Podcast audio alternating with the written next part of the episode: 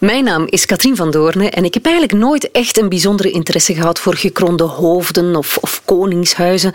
Ik ben ook absoluut geen royalty-kenner.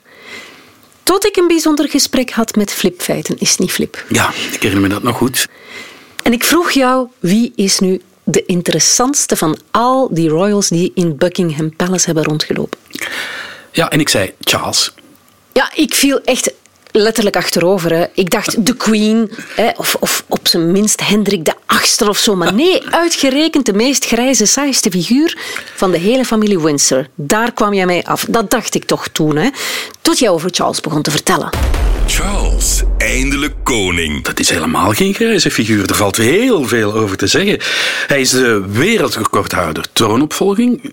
Niemand heeft ooit langer zitten wachten op de troon. Maar al die tijd heeft hij zich wel zinnig bezig gehouden. Hij heeft zinnig dingen gedaan. En uh, al die tijd zijn er ook dingen gebeurd, dramatische dingen in zijn leven. Dat weet iedereen. Ja, ik weet nog goed, jij bent toen beginnen vertellen en ineens was een uur voorbij gevlogen. En toen is het gebeurd. Hè. Toen heb ik die geweldige fascinatie ontwikkeld voor die ene grijze muis, dacht ik toen, hè, uit die familie Windsor. En dat is uw schuld, Flip. Dank je wel daarvoor. Mijn excuses, Catherine.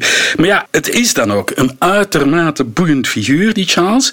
Je zal het zien, er valt nog zo ontzettend veel over te vertellen. Met één uur komen we echt niet toe. En ik heb er zelfs muziek bij gevonden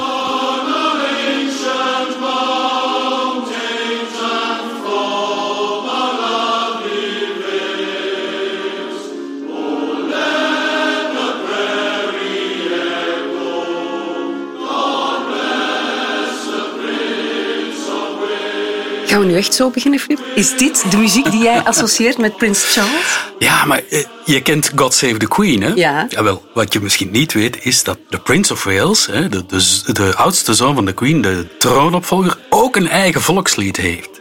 God bless the Prince of Wales. En dat was dit. Hoe kunnen we nu beter beginnen dan met zijn eigen hymne? Het is goed, het is goed, het is goed.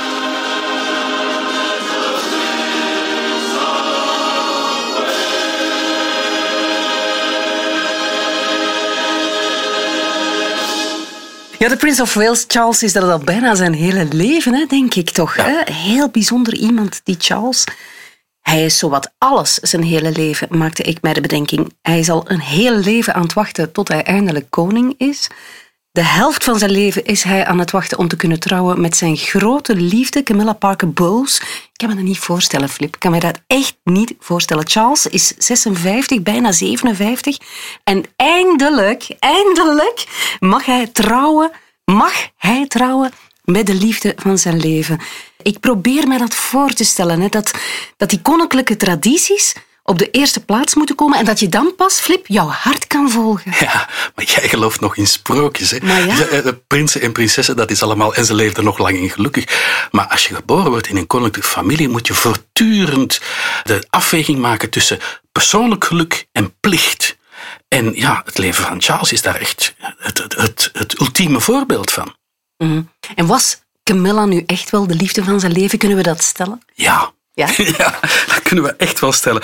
Hij was 22, zij was een jaartje ouder. En ze zijn aan elkaar voorgesteld uh, door een, een, gemeenschappelijke vriendin. En dat was iemand die echt vond van, die Camille, dat is echt helemaal iets voor Charles. En die vriendin deed dat ook, bracht ze bij elkaar. En zei er nog bij, pas op jullie twee, want jullie hebben genetische antecedenten. Ja, want de, ik weet niet of je dat weet, maar de overgrootmoeder van Camille, dat was Alice Keppel. Dat was de maîtresse van de toenmalige koning, koning Edward VII. En dat is de bedovergrootvader van Charles. En ze waarschuwde nog die vriendin van pas op, want jullie zijn genetisch voorbestemd. En het was zo. Er was meteen een klik. Na die eerste ontmoeting zou Charles haar, haar meteen willen opbellen en afspraakjes maken. Maar er was wel een klein probleempje.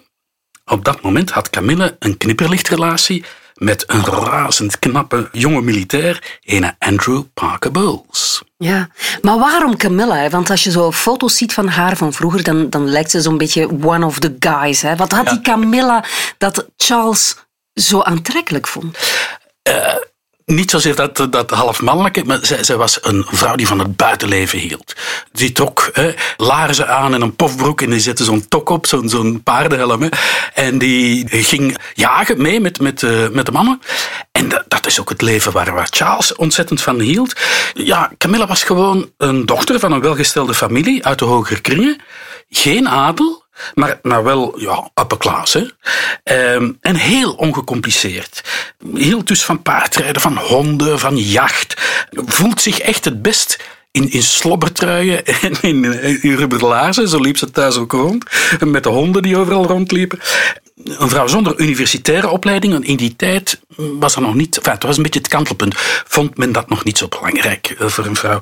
Ze had wel een finishing school gedaan, zo heette dat. In Zwitserland was dat meestal. Het waren van die scholen waar vrouwen alles werd aangeleerd om uh, een, goede huisvrouw te zijn en zich goed te kunnen bewegen in het sociale leven van de upper, hè, de, hogere, de hogere standen. Maar ze wou zelf toch nog, uh, bijvoorbeeld, ze heeft zichzelf ingeschreven voor een cursus Frans in Parijs. Dat wou ze zelf. Dus geen domme vrouw, een verstandige vrouw, maar zo gezond verstand. Ook geen werker.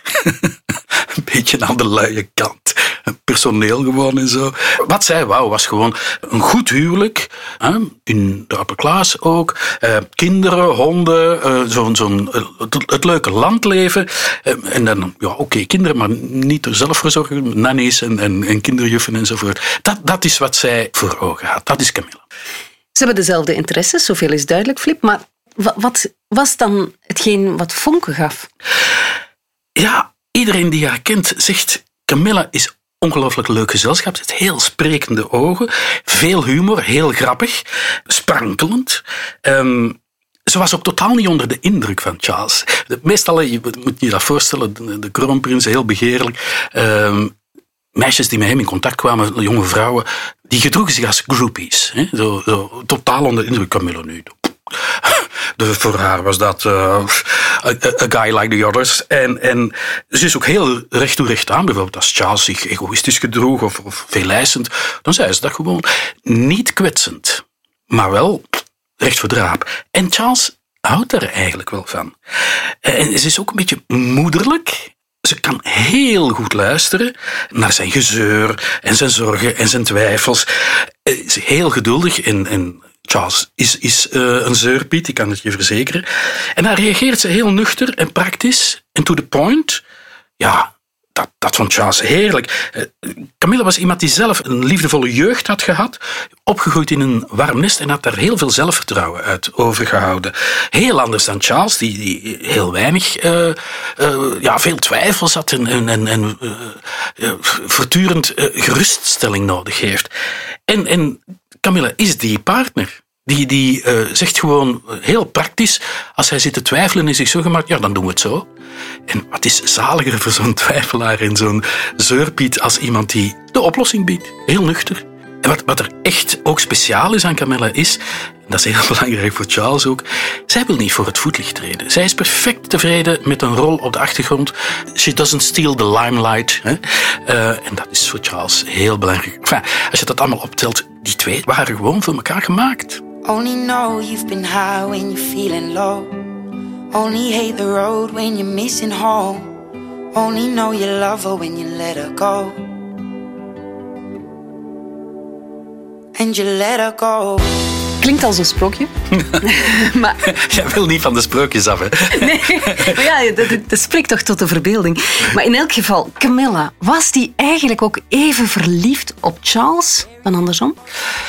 Nee, toch niet in het begin. Zij zag dat als een, een, een heel leuke vriendschap. Uh, dat was het ook. En ze was natuurlijk geflatteerd uh, door, door Charles' zijn aandacht en zijn complimenten en zijn warmte.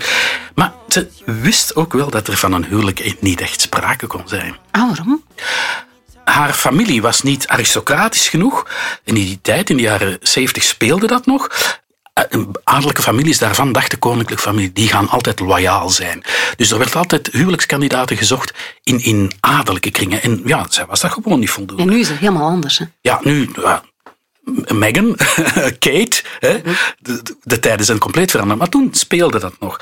En vooral she had a past.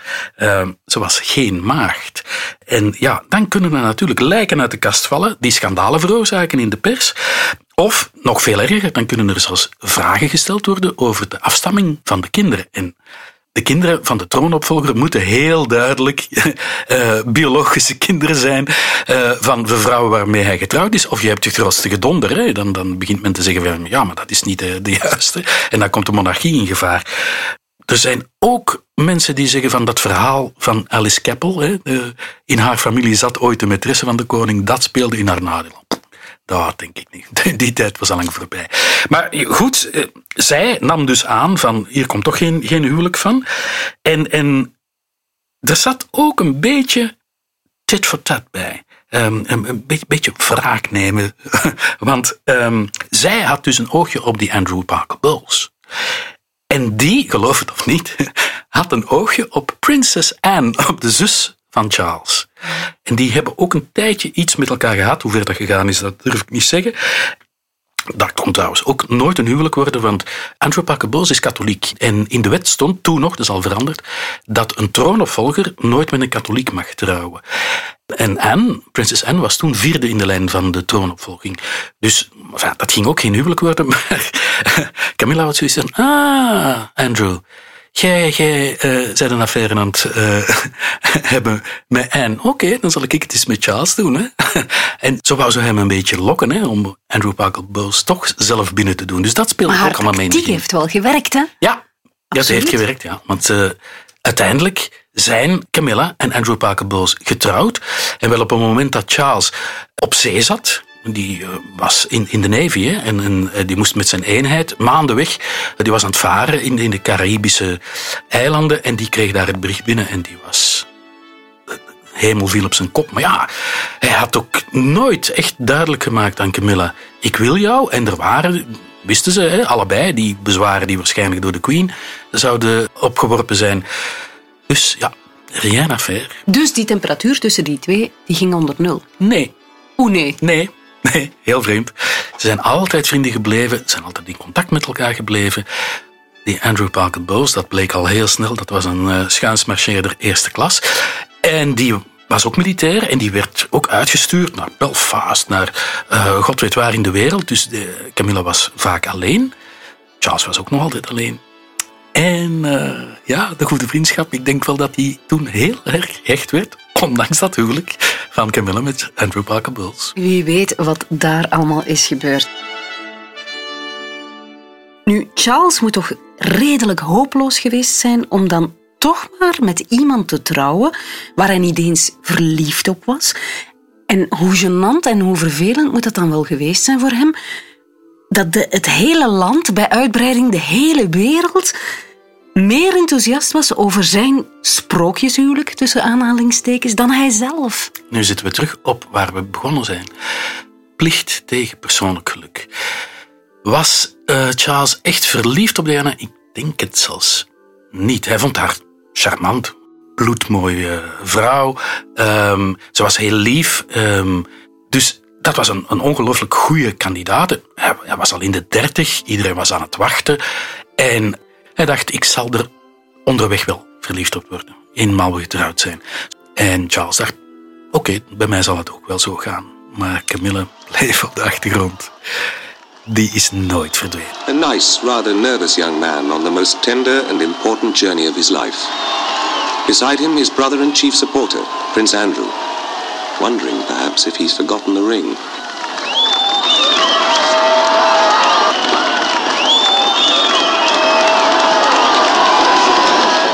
World gets its first full glimpse of the fairy tale princess, demure behind her veil, and the wedding dress that has been a carefully guarded secret. Resplendent ivory silk taffeta, trimmed with antique lace and a long, long train, all 25 feet hand embroidered. As bewitching and romantic a bride as ever touched the heart of the world. Hij heeft zich, dacht ik, achteraf één keer versproken. Hè? Wel, het, het straffe is dat hij uh, toen het verlovingsinterview er kwam, het klassieke interview met de pers om de verloving met Diana aan te kondigen, vroeg er een reporter van, en jullie zijn verliefd. Of course. Whatever in love means. Ah, Very much so, zei Diana. Ah ja. En hij antwoordde, whatever in love means. En dat was heel eerlijk, zo van, ja, wat verliefd zijn ook maar betekent. Niemand verstond dat zo. En, en ook Diana lachte er even mee. Maar hij was wel eerlijk. Eigenlijk zei hij van, ja, wat, hè, wat verliefd zijn ook maar betekent. Dus eigenlijk zei hij van, heel verliefd ben ik nog niemand zal misschien nog komen. Dat zei hij. Kan je dat voorstellen?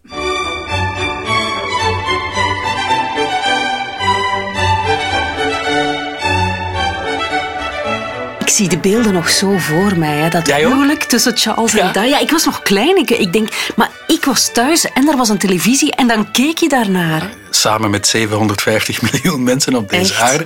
En weet je waar ik dat gezien heb, dat huwelijk? Ik was toen student en eh, we, we zaten op kot. En ik had een, een klein zwart-wit televisietje met een antenne.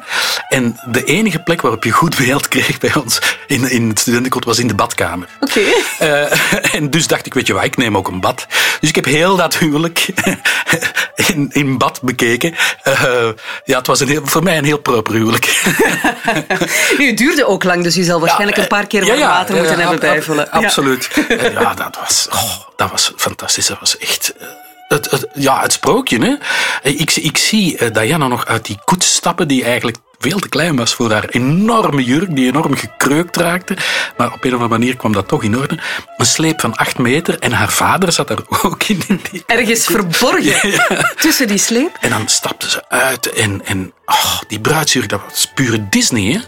En dat duurde trouwens ontzettend lang, die tocht van, van de poorten van de kerk tot aan het altaar. Want haar vader gaf haar weg, hè? maar die had een, een beroerte gehad een, een tijdje tevoren. En die was nog altijd niet helemaal in orde. En die moest dus echt traag stappen. Dus dat duurde meer dan drie minuten. Dat gaf Diana trouwens de kans om goed eh, alle rijen af te speuren van de duizenden aanwezigen in die kerk. Want zij wou checken of er iemand was. En jawel, daar zat Camilla. She never goes away.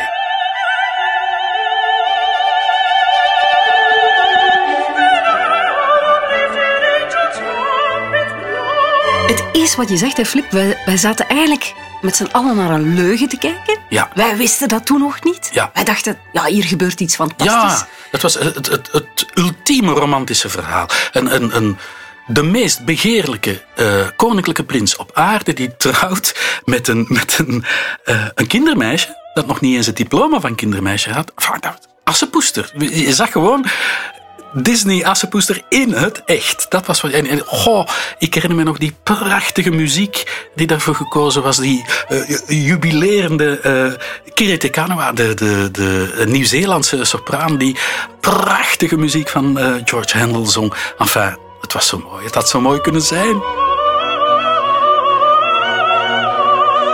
Maar helaas, Ja. oude liefde roest niet. Nee. Hè? Dat is ook heel menselijk. Hè?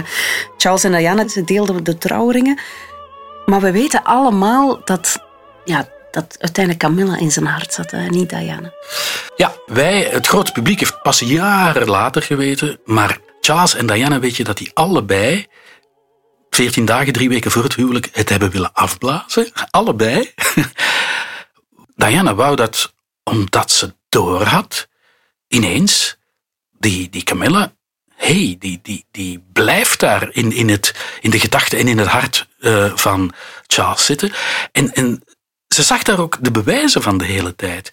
Bijvoorbeeld vlak voor het huwelijk ging Charles een aantal brieven en pakjes versturen om zogezegd het, uh, aan zijn vrienden het einde van zijn vrijgezellenleven aan te kondigen.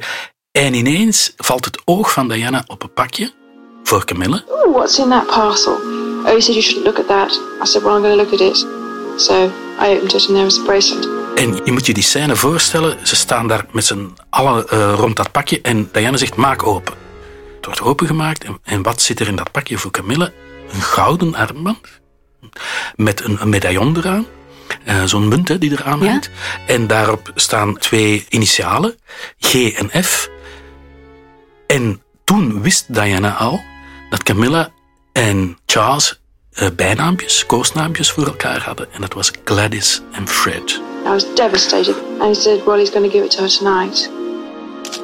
So rage, rage, rage. You know, why can't you be honest with me? Enorme huilbui uh, bij Diana, want Diana, ja, die had echt Charles nodig. Die had zijn liefde nodig om dat avontuur te kunnen aangaan. En hier was al een bewijs. Het zou nog veel erger worden. Na natuurlijk gaan ze op huwelijksreis op de prachtige jacht Britannia. Dan draagt bij een kostuum Charles een manchetknopen en dat, uh, op die manchetknopen staan twee C's in elkaar gestrengeld. En dat was niet Coco Chanel, dat was Charles en Camilla. Flip, weet je eigenlijk hoe lang ze getrouwd zijn geweest, Charles en Diana? In een aantal dagen, hè? Oei, dat heb ik niet uitgerekend. Ah, ik wel. Ik ah, ja? wel. 5510 dagen om precies te zijn. Waarvan ze, heb ik opgezocht, vier jaar gescheiden leefden. Dus ja, het was niet tijd, ja. echt een goed huwelijk. Hè? Dat is niet echt een verrassing. Nee, want eh, uit, uit, alles wat we tot nu toe verteld hebben, hoor je het wel. Op die achtergrond blijft die Camille zijn grote liefde eigenlijk. Blijft die altijd aanwezig. En van Diana is wel eens gezegd dat ze een beetje paranoïde was en dat ze overal spoken zag. En, maar ik denk, hè, zij voelde wel dat Charles zijn hart altijd bij die Camilla gebleven is. Ja. Mm. En dan wordt ze een beetje een tragisch figuur. Hè? En dan uh, heb je wel eens medelijden met zo iemand, hè? de underdog. Ja. En, en voor het publiek was dat zeker zo. Hè. Ja. Voor het publiek was zij goh, een heilige, hè. Een, een, een, een martelares. En hij was de schurk. Hè. hij, hij was, eh, de, de pers maakte dat ook toen de kinderen geboren werden en hij eh, niet, niet lang genoeg in het ziekenhuis bleef en zo. Of, of toen William een ongeluk had, had een, een, een, stik tegen zijn hoofd gekregen. En dan telden ze de minuten dat hij in het ziekenhuis was en zo. Hij was de schurk.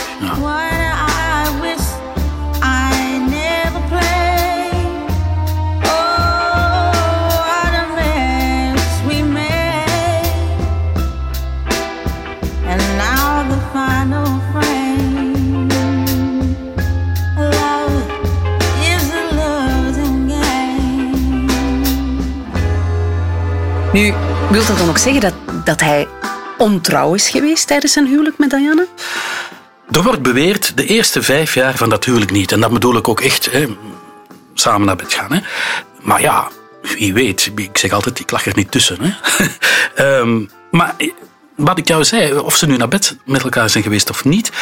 Ik denk in elk geval dat uh, Charles uh, geestelijk ontrouw is geweest. Um, er zijn telefoontjes geweest, zeker. Er zijn misschien afspraken geweest, zeker. Ja, en, en hoe slechter het in dat huwelijk ging tussen Charles en Diana, hoe meer. Want uh, Charles moest ergens zijn miserie kwijt. En bij wie kon hij die beter kwijt dan, dan bij Camilla? Dat is ook wel begrijpelijk, want Diana was ook geen, geen makkelijk iemand. Hè. Dus het was heel vaak onredelijk en, te achterdochtig en, en, onvoorspelbaar en vol mood swings en, en af en toe echt ook hatelijk en kwetsend. Uh, ja, maar hoe meer dat voorkwam, hoe meer afstand Charles van haar nam en hoe meer hij weer trok. Uh, al was het maar om, om steun en troost en, en, en uh, aandacht naar Camilla. Ja, en na vijf jaar was het echt voorbij. Dat weten we trouwens zeker, omdat Charles het zelf gezegd heeft. Hij heeft dat bekend in een, in een interview met uh, Jonathan Dimbleby en die stelde hem uh, precies dezelfde vraag. Did you try to be faithful and honorable to your wife when you took on the vow of marriage? Yes, absolutely. And you were? Yes. Until it became irretrievably broken down. Irretrievably broken down, dus daar zegt hij gewoon dat zijn huwelijk onherstelbaar uh, stuk was, kapot was. En uh, Diana, moeten we zeggen, heeft ook in een interview bekend dat ze dat wel waardeerde. Uh, die, die eerlijkheid van Charles in het openbaar. Ehm, en ze zei, je moet het maar doen. Zo'n bekentenis in zijn positie. Klopt, heel moedig. Maar voor Charles was natuurlijk de deur helemaal open richting Camilla. Ja, en hij wou dat ook. Hij wou eigenlijk dat iedereen erkende dat dat nu zijn, zijn partner eh, zou zijn. het is een beetje onvoorstelbaar, want de hele publieke opinie was tegen hem, de pers was tegen hem. De Anglikaanse kerk zag dat uiteraard niet zitten, wat hij als koning zou hij hoofd van de Anglikaanse kerk worden. Uh, de regering was er tegen, zijn de moeder, de queen, zag dat niet zitten. En toch wilde hij um, ja, die, die relatie erkend zien op een of andere manier. En hij heeft daar zelfs een, een, echt een spindokter voor ingehuurd. Een professional. Die zijn imago moest opvijzelen. En vervolgens, dat was het plan, Camilla's eh, imago. Ja, je, kan je niet voorstellen dat zo iemand dat in zijn hoofd steekt op dat moment. Maar hij deed dat wel. En hij is een echte koppegaard. Ik denk dat hij daar eh, ongelooflijk op zijn vader ingelijkt. Dat was het plan. Om eh, Camilla op het voorplan te krijgen als de nieuwe partner van Charles. This is BBC Television from London. Diana, Princess of Wales, has died after a car crash in Paris. The French government announced her death just before 5 o'clock this morning. Buckingham Palace confirmed the news shortly afterwards. In a statement, the palace said, The Queen and Prince of Wales are deeply shocked and distressed by this terrible news. Maar toen kwam die 31 augustus 1997, een dag die wij ons allemaal herinneren. Je zou kunnen denken, Flip, nu is Charles echt van zijn probleem verlost. Om het heel oneerbiedig te zeggen natuurlijk. Maar volgens mij was dat het slechtste wat er toen kon gebeuren. Ja, dat was ook zo. Dat was ook zo. En, en uh, dat was ook wat Charles doorhad. Want hij wist dat de publieke opinie zou zeggen van... Jij, jij bent hier verantwoordelijk voor. Hè? Want jij was ontrouw. Jij bent de oorzaak van de scheiding.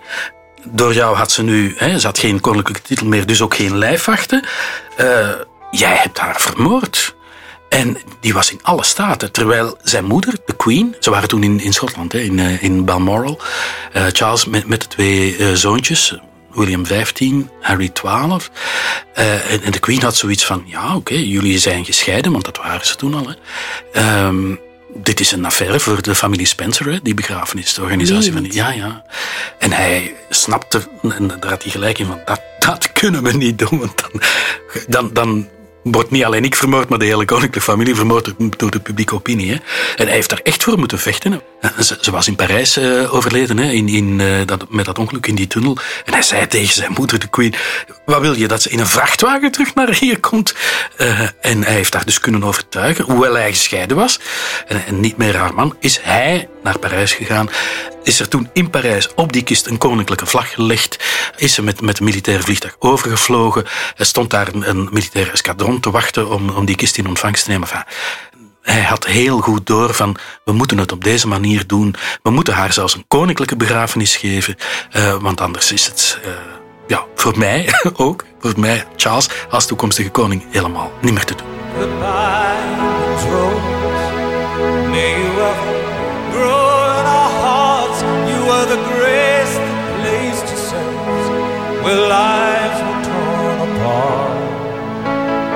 Daar heeft hem wel punten mee gescoord. Ja, hij heeft dat goed gezien. Uh, trouwens, hij werd dat vreemd genoeg gesteund door de regering toen. Tony Blair was net, net premier. Uh, maar wat hij vooral goed gedaan heeft, is... Hij heeft, uh, maar daar, zat die spindokter ook een beetje achter. Hij heeft de rol van de alleenstaande ouders, de alleenstaande vader op zich genomen. En dat heeft hij goed gedaan. Hij, hij was er voor zijn zonen. Um, een beetje na die begrafenis was er bijvoorbeeld een, een reis naar Zuid-Afrika. En dan nam hij Harry mee. En dat was geregeld dat hij de Spice Girls kon ontmoeten en zo. En een beetje later was er een reis naar Canada. En dan nam hij zijn twee zonen mee.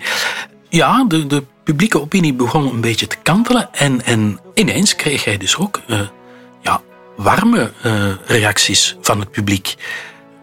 Niet meer de schurk, maar iemand die iets goeds deed.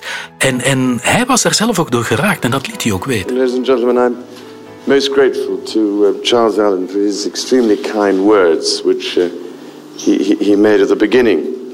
Uh, and, and I also wanted to say how particularly moved and uh, enormously comforted my children and I were, and indeed still are, by um, the public response to, to Diana's death. It has been really quite remarkable and indeed in many ways overwhelming. And uh, I think, as probably many of you will know from the experience of family loss, perhaps in your own uh, lives, it is inevitably very difficult to, uh, to cope with grief at, at any time.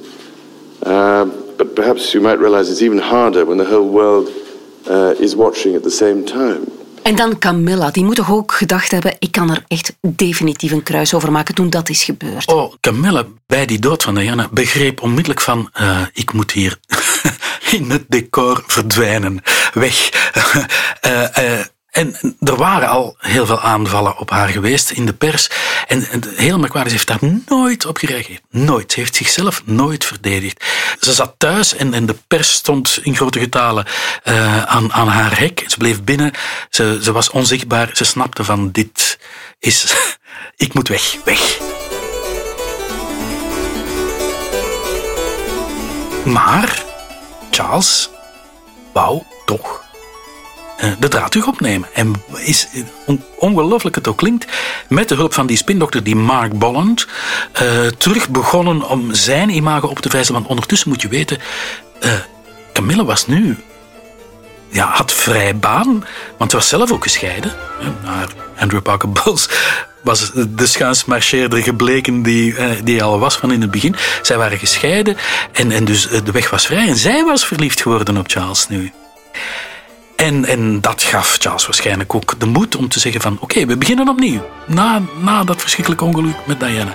Langzaam, stapje voor stapje. En je, je ziet um, Camilla af en toe toch verschijnen. Um, op de, op de derde of de vierde rij achter Charles. En echt, als je de, de, beelden naast elkaar zou zetten, bij elke andere volgende gelegenheid komt ze een rijtje naar voren. Een plekje naar voren. En uh, op de duur um, de Queen wou niet met haar gezien worden, letterlijk, hè? niet in dezelfde kamer. Dat zou een heel slecht effect hebben gehad op het beeld van de monarchie. En op de monarchie mag geen smet komen. En Charles en Camilla en die Mark Bond hebben dat toch op heel subtiele manieren zitten forceren.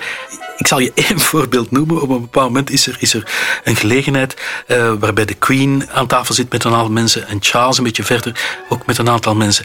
En dan blijkt ineens op het laatste moment dat er iemand afwezig is, niet kan komen. Allemaal gearrangeerd hè, door die bond. En Camilla was daar ook aanwezig op dat feestje, maar in een andere kamer. Maar ja, die lege plaats aan de tafel van Charles moest opgevuld worden. Dus ja, wat doen we dan? Dan vragen we Camilla om te komen zitten. En zo zat ze dan toch ineens in dezelfde kamer als Queen. Enfin, op den duur begon iedereen ook door te hebben van... Weet je, die Camilla maakt Charles gelukkig. Dat zagen ze wel. En zag de Queen dat ook? Ja, Queen zag dat ook. Uh, Queen kende Camilla ook, wist wel wat, voor persoonlijkheid dat dat was. Maar de Queen had dat door en, en zelfs William en Harry hadden dat door. En toen begon de Queen te denken van, oké, Charles wordt wel mijn troonopvolger. Hoe gelukkiger die is, hoe, hoe groter de kans dat hij een succesvolle koning wordt. En als Camilla deel uitmaakt van dat geluk. En we kunnen de, ze zag ook wel de, de publieke opinie stijgen, want ooit was Charles zijn populariteit op 20% en, en op het einde van het proces had Bolland klaargekregen, die uh, spindokter, dat het 70% werd. En dus de Queen is overstag gegaan. En op een bepaald moment, een belachelijke gelegenheid, een, een verjaardag van uh, koning Constantijn, ex-koning van Griekenland, uh, op Highgrove, het, het, landgoed van Charles, was de Queen daar aanwezig. En was ook Camilla daar aanwezig. En in één kamer. In één kamer officieel. En toen wist iedereen in het land van oké, okay, de Queen heeft Camilla geaccepteerd. En dan was de weg vrij. And there she is in a, a long dress, a posy. Greeted by the Dean of Windsor again, the Right Reverend David Connor. The Prince of Wales, beaming quite broadly. A wave for the crowd. Het was, om het beleefd te zeggen, iets discreter dan het huwelijk tussen Diana en Charles. Hè? Dan ben je heel beleefd. Och, dat, dat tweede huwelijk, dat moet iedereen ook ongelooflijke kopbrekers bezorgd hebben. Want Charles was eigenlijk hè, weduwnaar. Hè? Diana was overleden. Ik bedoel, in, ik ben nu aan het denken in, in het hoofd van de kerk, hè? de Anglikaanse kerk. Maar ja, Camilla niet, hè? Parker Boos leefde nog, hè? Dus, dus, uh, is gewoon een gescheiden vrouw. Een gescheiden vrouw. Nu, op dat moment waren de regels in de Anglikaanse kerk net aan het veranderen. En in principe kon dat trouwen met iemand die gescheiden is. Dat, dat kon. Nog maar net in de Anglikaanse kerk. Maar ja, Charles ging ooit koning worden en als koning hoofd van de Anglikaanse kerk, dat lag toch een beetje gevoelig. En hebben ze een hele ingewikkelde constructie in elkaar gestoken. Hij zou burgerlijk trouwen, En de Anglikaanse kerk zou dan over dat burgerlijk huwelijk een zegen uitspreken. Dus geen kerkelijke inzegening, maar wel een zegen. Hè? Met, met een, een, een kerkelijke dienst. Oké, burgerlijk trouwen. Dan dachten ze, alright, we doen dat in Windsor Castle. En toen bleek de, de wet te zijn dat op, op een plek waar een burgerlijk huwelijk eh, plaatsvindt, moeten andere koppels, andere stellen, een jaar lang ook kunnen trouwen. Dus dan zou Windsor Castle een jaar lang een soort van huwelijksplek um, moeten geweest zijn. Ja, dat zag de Queen niet zitten. Dus dan hebben ze besloten, oké, dan maar het gemeentehuis van de Guildhall van Windsor. Dus daar heeft de burgerlijke plechtigheid plaatsgevonden. Queen was daar niet bij. Haar echtgenoot Prins Philip was daar niet bij.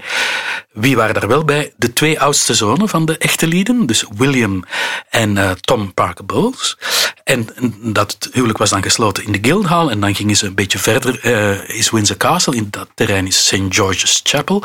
En daar werd de zegen over dat huwelijk uitgesproken.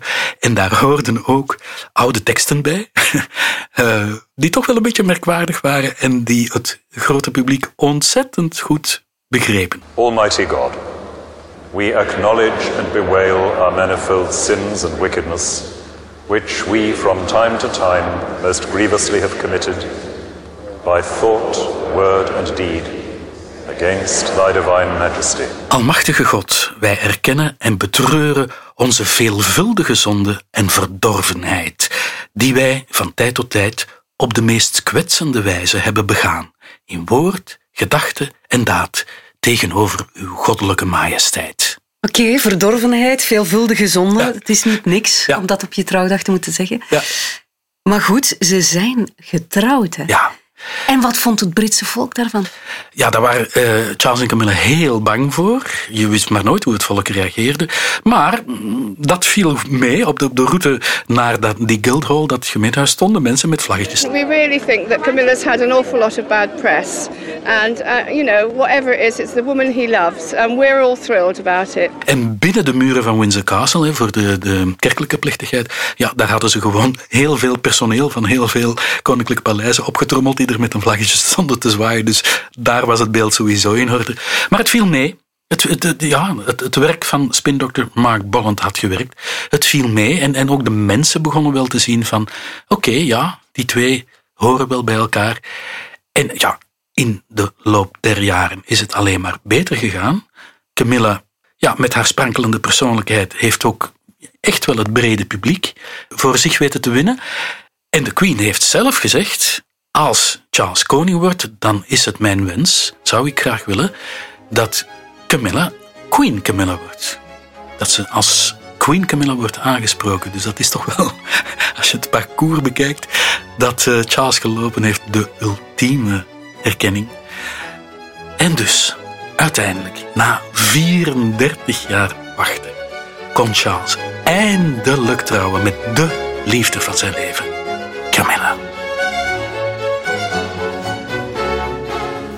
Flip, het is dan toch een beetje een sprookje geworden. Ik heb gelijk gekregen, hè? Maar wat ik nog altijd niet begrijp. Waarom, waarom in godsnaam is Charles toch eerst met Diana getrouwd. Ja, dat is een, uh, een super interessant verhaal, maar zo uh, uitgebreid dat we daar een hele aflevering voor nodig hebben. Uh, dus dat komt allemaal in de volgende aflevering.